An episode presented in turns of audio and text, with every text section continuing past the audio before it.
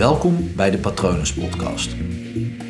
Mijn naam is Paul Vet en in deze podcast deel ik inspiratie voor een leven vol vrijheid en verbinding.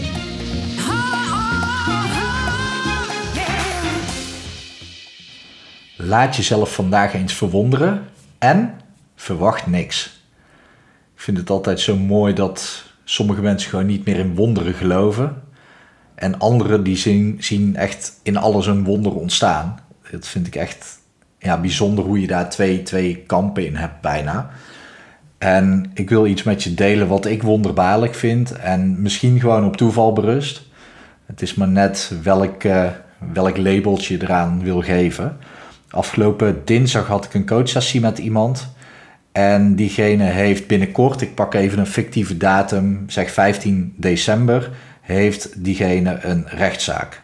Het is een vrouw, dus ik praat over zij. Ik zal de naam uiteraard niet benoemen.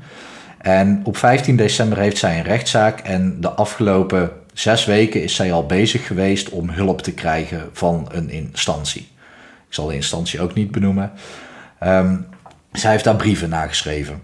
Echt heel veel brieven. Zij heeft continu aan de telefoon gezeten om maar iemand te pakken te krijgen die haar daarbij zou kunnen helpen. Nou, ze heeft voldoende mensen gesproken, maar ze heeft nooit meer iets gehoord van die mensen. En ze is zelfs daar naartoe gegaan, ze is langs gegaan. En een medewerker die ze dan sprak, die zei: Ja, sorry mevrouw, ik geef het door, maar zelf kan ik niks voor u betekenen.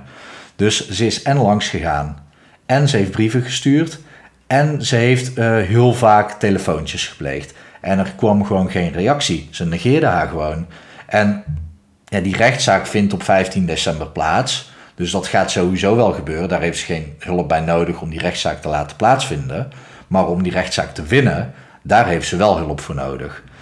En uh, tijdens de coachsessie afgelopen dinsdag ben ik daarmee aan de slag gegaan, onder andere daarmee. En wat we hebben gedaan is, um, het gaat natuurlijk om het stukje genegeerd worden. Uh, maar ik vind het altijd tof om niet heel erg diep in dat probleem te gaan zitten. Want anders ja, ga je eigenlijk alleen maar steeds vaster zitten in dat probleem. En ben je helemaal niet met de oplossing bezig. Dus eh, focus je niet op, de uh, op het probleem, probleem uh, ja, focus je op wat de oplossing zou kunnen zijn. En soms moet je je dan gewoon op iets anders focussen. En wat ik met haar heb gedaan is, um, ik maak gebruik van vloerankers. Dat heb je in de vorige video gezien en in de aflevering gehoord. En nu heb ik een, uh, twee vloerankers gepakt. Eentje voor de datum van vandaag, althans voor afgelopen dinsdag. En eentje voor de datum van 22 december. Dus 22 december is een week na 15 december, wanneer de rechtszaak plaats zou vinden. Dat vloeranker staat dus voor die datum. Zodra zij daarop gaat staan, staat ze op de datum 22 december. Dus dan is die rechtszaak al voorbij. Wat ik toen heb gedaan is haar laten lopen, langzaam, stapje voor stapje. Elke keer um, begeleid ik daarin, pas ik een aantal technieken toe om het ja, beter te laten werken. Ik ga daar nu niet al te diep op in. En elke stap dat ze dichterbij kwam, kreeg ze steeds meer spanning. Wat logisch is, want ze is onderweg van uh, nu naar uh, eh, 22 december. En daar ergens tussen vindt die rechtszaak plaats. Wat we ook merkten was dat er ongeveer twee stappen voor het einde, voordat ze echt op 22 december zat, uh, stond, dat daar wel eigenlijk de meeste spanning ontstaat.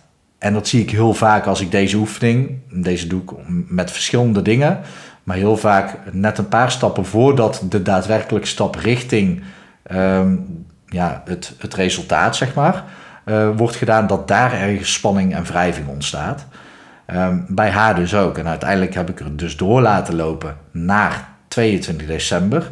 En terwijl ze op die datum stond, um, heb ik haar sowieso laten voelen hoe het is als die rechtszaak achter de rug is.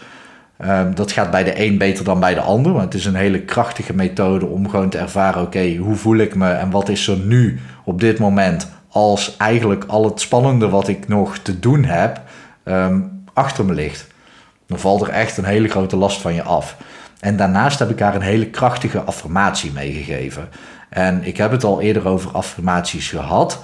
Over hoe je eigenlijk het beste een affirmatie kunt inzetten door te zeggen ik doe. In plaats van ik ben of ik heb. omdat in ik doe een actie zit. Ehm, wil je daar meer over weten, moet je even die aflevering opzoeken of het artikel op mijn website of de post op Instagram. Ehm, maar nu heb ik de affirmatie gebruikt. Ehm, ja, doen zou niet meer helpen. Want op het moment al, als je op 22 eh, december staat en hetgene wat je moest doen is al achter de rug, dan, ja, dan maakt het dus niet meer uit om nog iets te gaan doen. Dus dan is iets al gebeurd en moet je een affirmatie hebben die in de verleden tijd plaatsvindt. Dus ik heb haar laten zeggen: 1. Ehm, ik heb de rechtszaak gewonnen.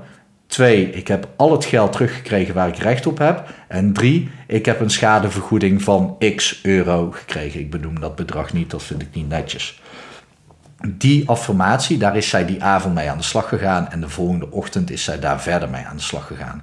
En in die zes weken daarvoor heeft ze superveel actie ondernomen om hulp te krijgen. En er kwam niks. En die avond en ochtend is ze gaan zeggen: Ik heb de rechtszaak gewonnen.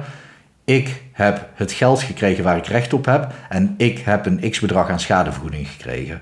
De dag erna, wat gebeurt er? Bam. Iemand belt haar en ze heeft een advocaat toegewezen gekregen. Ik noem het wonderlijk. Het kan net zo goed toeval zijn. Ik ben er in ieder geval blij mee dat zij hier in ieder geval een hele grote eerste stap heeft gezet. Nou, op het moment als ik nu zelf op 22 december ga staan, gewoon ergens in de toekomst, en ik doe alsof zij die rechtszaak heeft gewonnen, dan kan ik ook zo gaan praten. Het is haar traject, dus zij blijft dit affirmeren, want die rechtszaak is in feite, heeft nog niet plaatsgevonden.